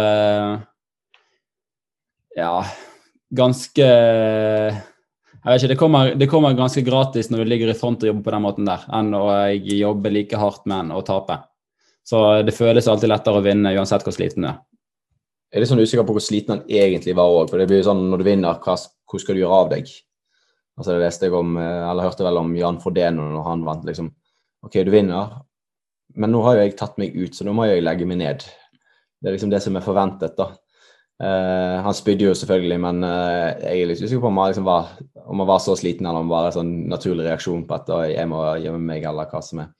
Men uh, han sier at han ikke var så sliten, og det tror jeg vel nesten på òg. Men uh, Mikael, til de andre resultatene med Alex Yi på andreplass og uh, Hayden Wild på tredje. Det var jo folk som du hadde oppe på favorittlista di i, i, forkant. var det likevel noen som uh, overraska deg positivt no, eller negativt i noen grad? Eh, vi kan vel egentlig gå litt fra topp, da, sånn som eh, vi startet her nå. Eh, Alex mye som forventet. Han står jo distansen, så eh, han viste i Leeds. Hayden Wild er ikke en type jeg er superfan av, men uh, vi må jo bare anerkjenne at han, han er flink. Uh, absolutt. Martin van Riel, fjerdeplass. Han er jo mister Fjerdemann, som jeg kaller han. Jørgen hadde jo stor tro på han inn i, inn i dette løpet, og jeg syns han gjør et veldig godt resultat da, med å få få den fjerdeplassen, men det er jo bare ett sekund bak til eh, Jonathan Brownlee. Han òg syns jeg overrasker positivt. Jeg hadde ikke sett for meg at han skulle, skulle stå distansen, men viser jo at britene har gjort en veldig god eh, oppladning. Kevin McDowell eh, han hadde jo jeg ikke på listen min i det hele tatt. Jeg vet ikke om Gustav har noe mer kommentar til eh, hans resultat? Uh, nei, han er egentlig mister verdenscup. Han, han uh, har nesten ikke kjørt noen uh, verdensserier, han bare kjører verdenscuper. Så eh, han er tidligere, som junior og sånne ting, så var han ekstremt god. Så hadde han leukemi. Var selvfølgelig ute noen år med, med den kreften. Og kom tilbake igjen og har hatt litt ja, greie resultat. Men han er en, eh, en smart, utøver, smart utøver og en flink løper, så ikke veldig overrasket. Uh, ja, Benz Bisak gjør stort sett det samme som han gjorde på, på test-event. Syvende. Gustav snakket jo om åttende. Max Studder, ikke så veldig overraskende at han, han, løper bra her. Jeg hadde faktisk trodd han skulle løpe bedre. Ja. Så, men han var Jeg tror han var den eneste på konkurransen som valgte å sykle med én flaske. Oh, ja. Så det var jo litt uh, spesielt. Ja. Um Sånn som ser Gustav er bare åtte sekunder fra, fra en fjerdeplass, og det var veldig, veldig veldig tett da fra fjerdeplassen og bakover. Eh, så kommer spanjolene. De har jo absolutt ikke prestert. Eh, hadde egentlig trodd at Falando Alarsa kanskje skulle være den eh, beste, muligens topp ti. Som Jørgen sa, var jeg usikker på om målet har trent godt nok. Kasper får en ellevteplass, og så har vi Vincent Louis på 13. Han har jo ja, han har jo vært skadet, og nå har de lagt ut uh, noen bilder på Instagram der han løper med sånne strikkgreier uh, for å ha lavere belastning. Uh, så han har vært skadet inn i dette mesterskapet òg, men eh, det er jo en del av gamet å holde seg skadefri. så jeg syns ikke at det skal være noe som helst unnskyldning på noe som helst nivå. han må rett og slett klare å holde seg i tøylet inn mot store mesterskap. Sammen med Tyler Mislachuk. Han fikk jo eh, 15.-plass her. og eh, jeg var jo sett på som en favoritt, og jeg har jo vært med å hause han litt opp. Men eh, jeg burde gått gjennom resultatene fra test-event litt eh, sterkere, syns jeg. Eh, og tenke at han skulle løpe som veldig mye fortere enn test-event, det blir jo å tro litt på, på, julenissen, og han faller jo ganske godt igjennom. Men en utøver jeg har lyst til å ta opp, det er Kenji Nenar, som eh, originalt er australsk, men har foreldre fra Japan. Så for noen år siden så valgte han å bytte over til Japan for å få OL-plassen pga. Australia sa egentlig rett ut at uh, han aldri kommer til å bli kjørt for. Og hvis han skulle være så heldig til å få uh, en eller annen OL-plass i fremtiden, så var det kun som en ren hjelperytter. Men hva skjer? Han blir den beste av australienerne. Så han slår Birth Whistle med, med, to plasser her og løper ifra. og jeg, eh, Han har jo vært en av de som har trent med den uh, norske gjengen, så jeg er ganske god kompis med han. Så det at han gjør det såpass bra, det er utrolig gøy. Ja, det var litt gøyal inside information der. Kenji Nena, så han er født i 1993. Så han får vi nok uh, helt sikkert eh, ta og klare å følge i enda flere år. Han var jo med i junior-VM det året jeg var med. Han slo jo meg der mellom en, eh, 15-16-17 plasser. Eh, så en flink eh, fyr. Men eh, som Gustav sier, Australia feiler jo ganske greit. Frankrike gjør det heller dårlig. Flere som ikke er der. Games Noya, han ble vel satt, sagt at han hadde noe ørebetennelse eller et eller annet sånt de siste dagene inn mot løpet. Og kanskje han, som jeg syns mest synd på, er Jonas Schomburg, som da var i, var i tetgruppen der, som forventet, men eh, krasjet jo eh, på ca. halvveis på sykkel og blir liggende alene. Og, og får en litt kjip eh, konkurranse. Løper jo 32 bak eh, derfra, som er et OK resultat. Og så har vi Morgan Pearson, som gjør egentlig samme løp som hun eh, Summer Rappaport, bare faller totalt igjennom på på sykkelbiten har jo absolutt ikke dagen. Han var en av de store favorittene i, i, mot OL. Um, så det var jo veldig kjedelig for han. Og så har vi jo da en til storfavoritt som eh, feiler uh, totalt, og det er jo Henry Schumann. Uh, feile blir vel kanskje feil ord. Uh, han sa vel etterpå at han hadde tretthetsbrudd. Ja. Og så den siste ut der jeg har frem, det er da han som kom på 47.-plass, Mohammed Maso, han kunne ha stilt for uh, flyktninglaget til eh, IOC. IOC, men han valgte å stille for Syria. Eh, så han var original svømmer, kom til Nederland og begynte å trene til OL på dag to etter å ha flyktet fra krig. Så klarte han å ikke, Han klarte ikke å kvalifisere på normale premisser til OL, men han fikk vel en sånn invitasjonsplass. Men det at han faktisk ikke blir leppet på konkurransen her, og ikke kommer sist heller, med de forutsetningene, det syns jeg er ganske imponerende. Han kommer jo på vann plassen foran Gi og flere passer foran uh, Gustav på svømmingen. Faller litt igjennom uh, litt igjennom på sykkel, men ikke sånn veldig mye, og løper jo løper greit. Så det er jo litt uh, det er litt sånn som sier, det er jo OL og har jo mange, uh, mange fine historier. Um, kan ta med Richard uh, Murray, som kom seg aldri til start. Han uh, har jo slitt med hjertet, og så forsvant jo Henry Schumann ut med tretthetsbrudd, så han fikk jo aldri deltatt eh, i OL eh, i år, og valgte da å lage sin egen konkurranse i eh, OL-landsbyen. Det ligger vel på YouTube snart, og på Instagramen hans. Han svømte i en fontene med 10 cm høyt vann og syklet rundt OL-bygningen der og, og, løp litt. Han var vel, inviterte vel bredt, men det var vel han eneste som stilte til start. da.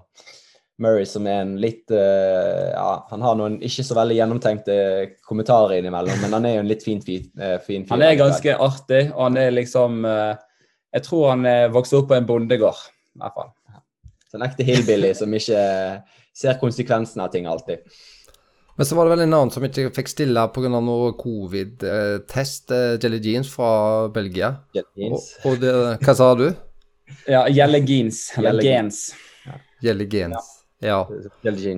Uh, men du sa jo at uh, sånn som Matten van Riel var en evig fjerdeplass, uh, eller firer. Men han var jo kun en outsider i de lista i forkant, uh, Mikael, mens Jelly Jeans, Belgia, var jo blant favorittene.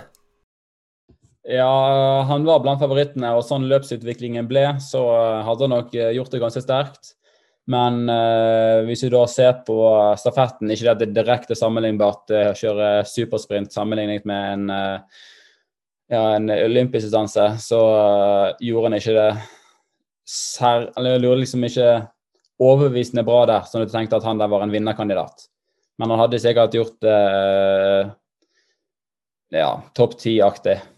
Vi vet jo ikke hvor mye han var satt ut av korona, da, om han ble hindret i å være i svømmebasseng, eller om han Jeg tror vel ikke han var syk sånn sett, da.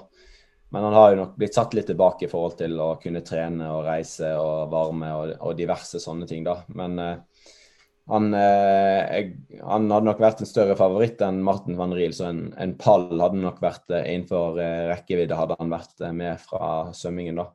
Men eh, ja, det som vi sitter igjen med, er jo et utrolig bra norsk resultat. Altså tre stykker topp eh, topp 11 på herresiden her. Og hvis vi ser på de andre, altså vi skal sammenligne oss med de andre norske idrettene, da, eller de andre norske landene som delte her, så er jo det en solid prestasjon. altså Det er mange som har enkeltutøvere som presterer. Og, og det, å, det, å, faktisk stille der og, og, få så gode resultater der, kanskje to av de føler at de ikke fikk ut det som de hadde, og det må vi nesten eh, tro på de, når de sier òg. Det er jo ikke sånn at de, de ikke Altså at de sitter her og lyver, og de, de kjenner kroppen sin såpass godt at, eh, at, det er reelt når de sier at det kanskje ikke var det toppresultatet. Men eh, det handler om å få det ut på dagen, men allikevel få, få de resultatene, syns jeg er, er spinnvilt. Det var en fin oppsummering av OL. Vi har jo takka deg, Gustav, for uh, innsatsen. Du får overbringe hilsener til de andre guttene fra oss. At vi takker deg for uh, innsatsen. Og at dere er motiverte for Paris og forberedelser mot Paris om tre år. Det tror jeg vi skal komme mye tilbake til gjennom de neste årene. Så vi skal ikke, vi skal ikke dvele noe med det nå. Vi går inn for landing, men eh, nå vet vi jo at dere er i toppform. Og Mikael sa at det var de som slipper seg ned nå og er, reiser på ferie, de, eh, det er ikke den smarteste løsningen. Nå bør en utnytte at de har god form. Og det forstår jeg at du skal nå, Gustav. Hva er fortsettelsen? For nå er det, går du, du er fullt uh, i gang videre du, med, med, trening nå? Ja, Det er nesten litt synd å si det, men jeg føler meg uh, sprekere nå enn jeg har gjort i en som som gikk inn til OL. Så akkurat nå så har jeg ganske mye overskudd samtidig som jeg har bra volum og ganske bra intensitet. Så jeg føler meg sterk om dagen. Jeg er i bra form og jeg skal kjøre min neste konkurranse eh, med den Collins Cup i Slovakia 27. august. 28., ikke sant? 28. Eh, ja, kanskje 28., ja. I hvert fall eh, lørdagen der. Så meg og Mikael reiser ned 23. til Wien og blir hentet til bil der og kjørt over til X Bionic Center, som har etter sigende verdens største hestestatue stående utenfor. Så det blir jo spennende å se. Og hva folk er det du skal konkurrere med der? Vet du noe om det? Der er det Team Europe mot Team US mot Team International. Så jeg er det selvfølgelig Team Europe. I hvert fall eh, Frodeno, som er på mitt lag, så blir nok ikke kjørende mot han. Jeg er fortsatt litt usikker på hva opplegget egentlig er. Om at de skal prøve å bare slå de andre, eller om vi skal kjøre for best mulig tid, eller hva som er greien, så det må jeg nesten vente til jeg kommer ned der for å få endelig bekreftet. Men som jeg har forstått det, så blir det mer et showløp enn en direkte konkurranse. Selv om det er, det er kult å vinne der, så er det på en måte ikke det å vinne individuelt som er hovedpoenget. Hovedpoenget er å starte en uh, ny ting og bygge videre på det mot framtiden. Og det blir uh, å kjøre litt mer sånn lagaktig konkurranse i en triatlon. Men det blir en eh, Er det for det kommersielle uh, som en skal vise, eller er noe for å kjøre for en god sak, eller hva er bakgrunnen for dette? Det er, vel, det er vel å få publisitet inn mot idretten, og sånn som Gustav sier så er det vel da totalt eh, seks eh, utøvere eh, fra hver Altså på hvert kjønn, så tolv utøvere fra hver sånn international US som skal konkurrere mot hverandre. Og så velger du sånn team captains hvem du skal kjøre mot. altså Gustav kan f.eks. kjøre mot den fjerde beste rankede fra international, og også femt beste fra, fra US for å for å for måte, få best mulig sånn, Det kun resultatet. altså Den som vinner, får ett poeng til sin, eh, sitt lag. da, og Så er det om å ta flest poeng, og det er det som vinner. Eh, så, så poenget er vel å skape en, måte, en, en kul greie med mange gode utøvere. og Så har vi vel sett at de som ikke er så gode, syns jo dette er kulere enn de som allerede er best, for de får jo truffet de som er veldig gode. da. Så Gustav er vel enkelt som nummer to i International, nei, i Team Europe, da, så han er jo blant de største stjernene, sånn sett. Hvilke distanser snakker vi om her? Det er den velkjente PTO-distansen som var i Daytona òg. 100 km, er det vel? Ja. ja. Så det er vel 2 km svøm, 80 km sykkel og 18 km løp. Er det en form for en, eh, dette her med den der Superleague som uh, gikk, som Kristian var med på? Jeg vet ikke om du var med på det i sin tid, uh, Gustav, men er det en er det en konkurrent som prøver å gjøre noe litt annerledes for å skape litt blest rundt sporten? Det er ikke en uh, konkurrent som sådan, for PTO er bare rettet mot langdistanse foreløpig. Men Superleague er ekstremt kortdistanse. Men det som er større konkurrent til Superliga, er jo at uh, eh, ITU prøver å få inn uh, samme type løp, opp, løpsopplegg i uh, verdensserien. Så jeg er litt usikker på hvem som burde ta ansvaret med å arrangere sånn type løp. Jeg syns det er litt rart at vi prøver å bøye oss i støvet for TV-rettigheter og bare få inn mest mulig på for seerne. Som jeg føler i hvert fall at triatlon er såpass dynamisk fra før av at vi trenger ikke gjøre det superdynamisk. At du skal ha svøm, sykkelløp, svøm, sykkelløp, svøm, sykkelløp bare for å ja, gjøre noen endringer. Så for min del så er liksom eh, triatlon er rar nok sport til seg sjøl at du trenger ikke gjøre den enda rarere med å finne opp nye kombinasjoner. Så eh, nei, men PTO det er ikke en konkurrent mot Superleague, egentlig. Så PTO er sånn i utgangspunktet bare en utøverorganisasjon som arrangerer løp, og som prøver å samle utøverne mot uh, Ironman på en måte for å få bedre lønninger og sånne ting mot triatlon. Så de har vel inn, De har innført uh, f.eks. Uh, uh, du får lønn hvis du går ut i, i sånn mammaperm? Ja, mammapermisjon har de f.eks. Og de har litt forskjellige andre goder. Så det er egentlig mer en organisasjon enn en bare en arrangør. Og det var 28. august, og etter det så er det forberedelser, for da har vi forstått at du og Mikael reiser videre og begynner forberedelser til både verdensmesterskap Ironman 73 og verdensmesterskap Ironman fulldistanse. Og det skal vi komme tilbake til, men sånn helt kort, eh, hva er opplegget etter den 28. august? Da reiser du til uh, Trumpland. Vi skal til uh, Flagstaff og uh, trene der. Det er Jeg syns ikke det er det fineste stedet, men det er ganske fint å trene på temposykkel. Det er på ja, rundt 2000 meter høyde, og det er pannekakeflatt. Så det er ganske greie forhold for å trene temposykkel. Og så er det en kjøreavstand til St. George, som har 70,3 VM, der jeg har tenkt å stille. Og etter det så blir det til Flagstaff mest sannsynlig i en liten periode før vi reiser til Hawaii og trener der siste biten fram mot Hawaii. Så lenge tror du du kommer til å være på, på Hawaii i forkant? Uh, det er Vi har ikke planlagt i detalj ennå. Men uh, det er liksom en, en todelt ting. For på én side så vil jo vi bli vant til forholdet der, for det er jo litt spesielt med tanke på vind og temperatur og fuktighet og den biten der. Men på den annen side så er det ikke så bra treningsforhold. Og det er masse folk og masse trafikk og sånt der, så vi må diskutere det litt videre og finne ut når vi egentlig reiser over. Ja, det er sånn todelt sånn, forhold til bedre treningsforhold i Flagstaff. Eh, eh, og så få høydeeffekten, mm, altså lengre og bedre høydeeffekt fra Flagstaff. Eh, og vi tror jo òg vi kan få gjort, få gjort noe varme der, men det er jo mange som eh, anbefaler folk å reise tidlig til Hawaii bare for å bli kjent med elementene der borte. Så mm, kanskje sånn to uker, ti dager. Kristian tenker vel tre uker, så det ja, et eller annet sted der. Vet dere noe sånt på stående fot, eh, ca. datoer for de to eh, løpene der? Eh, ja, det er um, vel 18. Sep Nei, det er vel 11, 18. september og 9. oktober tror jeg skal være.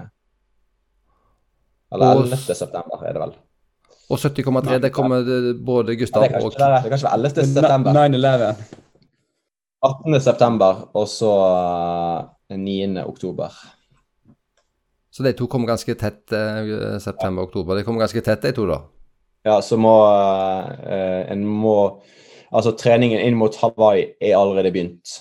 For man har ikke så mye tid til å trene sykt spesifikt imellom og inni der. Uh, altså du får mye tid, men eh, etter uh, eh, 70,3, som vi ikke kan toppe så veldig mye mot, så har vi nødt til å være ganske kjapt i gang igjen med Ironman-trening, da. Og da forstår du sånn at da er det Kristian som, og du, Gustav, som stiller på 70,3 VM, og kanskje òg Kasper på fulldistanse, hvis han klarer å kvalifisere seg i Frankfurt? Det stemmer. Da har vi mye gøy å glede oss til.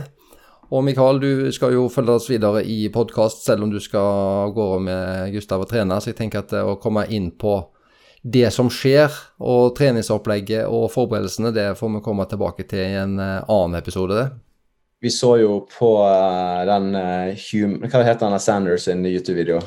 Jeg tror han heter Beyond Human. Ja, Beyond Human. Der har jo uh, Sanders skrevet ned Gustav sine økter på papir.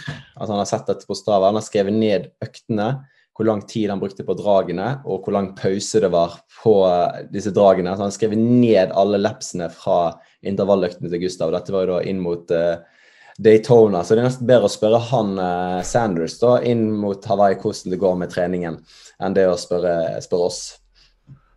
Ja, men nå vet vi ikke om Lionel Sanders klarer å kvalifisere seg en gang. Var det i København det er siste sjansen for å kvalifisere seg? at han skal han gjøre det? København, ja, men hvis han ikke klarer det, så kommer han i hvert fall til å følge med. Det skal jeg love deg. Ja, men det er jo gøy. Det er det du som er superstjerna, Gustav. Ikke bare for eh, oss som hører på denne podkasten, men òg for Lionel Sanders. Så det, det, sier jo litt. Jeg tror problemet til Sanders han ser jo opp til alle.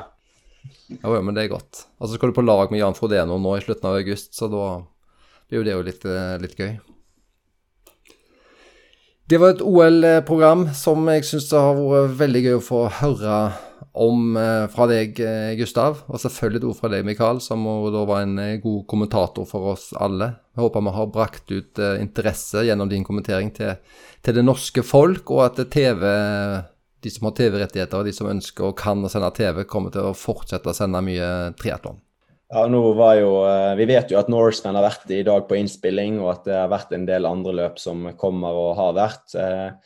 Det får eh, komme i neste episode. Vi har jo hatt eh, Gustav Gjespene med oss på hele denne her, så vi har ikke villet stjelt eh, for mye av tiden hans. Det er jo ganske travle dager. Både for meg og han i forhold til all trening og, og, organisering og ja, det er ikke et helt sånn rolig liv å være toppidrettsutøver og, og være i støtteapparatet. Nei, vi tar en egen episode om både Northman og andre konkurranser, og vi har jo snakka med en ny coach som heter Vetle Myhre, så vi har kommet til å lage en felles episode med coaching med Vetle Myhre og en del av disse andre tingene som eh, Mikael eh, nettopp eh, sa. Da, på eh, gjenhør alle sammen, og Gustav, lykke til med det som du skal gjøre i det videre. Arigato gozaimasu. Som det er japansk for tusen takk, hvis du lurte. Takk for det. Ha det godt.